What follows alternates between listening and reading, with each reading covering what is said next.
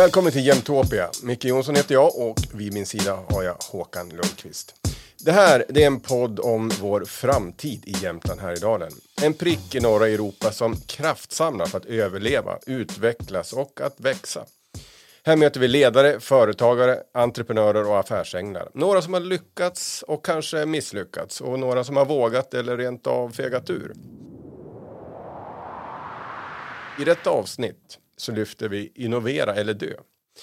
Begreppet innovate or die, ligger det verkligen någonting i det? Vi pratar med vd för Jämtkraft, Erik Brandsma, Encons vd Christer Blomgren och Sofie Lindblom, innovationsexpert. Innovation är ju väldigt viktigt, men vi, vi kan inte alla hålla på med innovation. Men just på ett antal områden när det gäller hur samhället ska utvecklas, absolut. Uh, nya tjänster, nya processer, nya produkter. Ehm, innovation måste vara uh, det som gör att man håller sig upp eh, på ytan. Ehm, har man en produkt, en tjänst eller en process som, som är framgångsrik då kommer andra kopiera detta, då blir det konkurrens. Så man måste ju fortsätta att utveckla.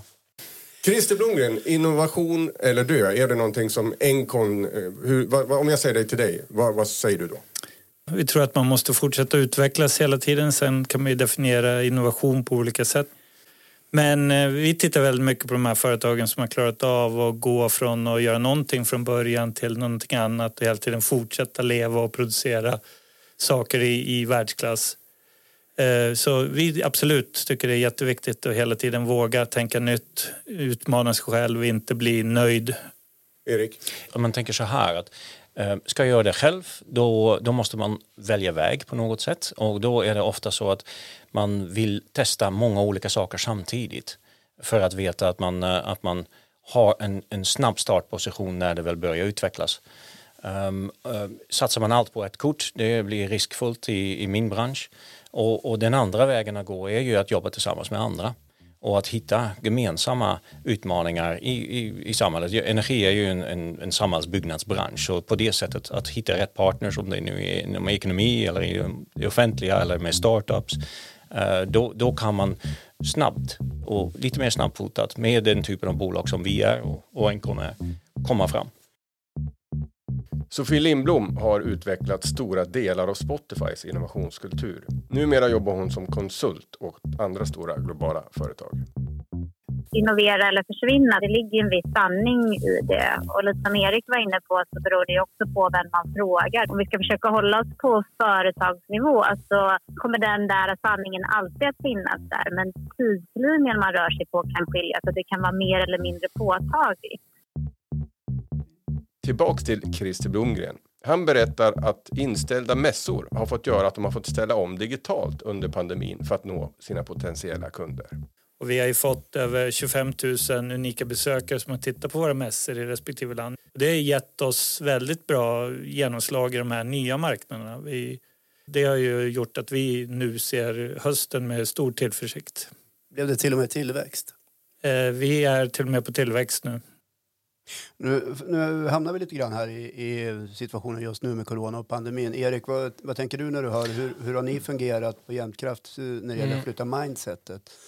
Ja, jag upplever att vi, att vi fick en enorm skjuts. Det blev väl en först en, lite avvaktande och lite vad är det som händer? Eh, men, men sen en enorm skjuts på alla nivåer, både inom bolaget och, och utanför. Eh, på medarbetarnivå Um, att vara beredd att tänka nytt. Hur löser vi det här? Hur kommer vi ur det här? Hur, hur behåller vi effektiviteten? Hur behåller vi dialogen? På vilket sätt kan vi utveckla våra kundrelationer? På vilket sätt kan vi samarbeta med andra för att faktiskt komma ur detta på ett positivt sätt? Och just, just en sån bransch som jag kommer ifrån är ju en ganska stabil bransch som kan hjälpa andra att faktiskt behålla lite stabilitet. Så jag har upplevt en enorm utveckling på innovationssida och kreativitet och, och, och drivkraft i detta. Så en, en kris binder oss tillsammans och utvecklar också, måste jag säga. Ja, men det är ett jättebra exempel av när man tittar på vad som händer i omvärlden och sen inte använder massa, eh, liksom att man skyller ifrån sig och säger att det här kommer aldrig gå utan istället äger den fronten och tittar på okej, okay, vad är det vi är riktigt duktiga på, vad har vi för nya förutsättningar eh, och hur paketerar vi om? Innovation är ett måste i kris. Men det är det systematiska innovationsarbetet som behöver prägla ett företag och måste få ta plats, menar Christer Blomgren.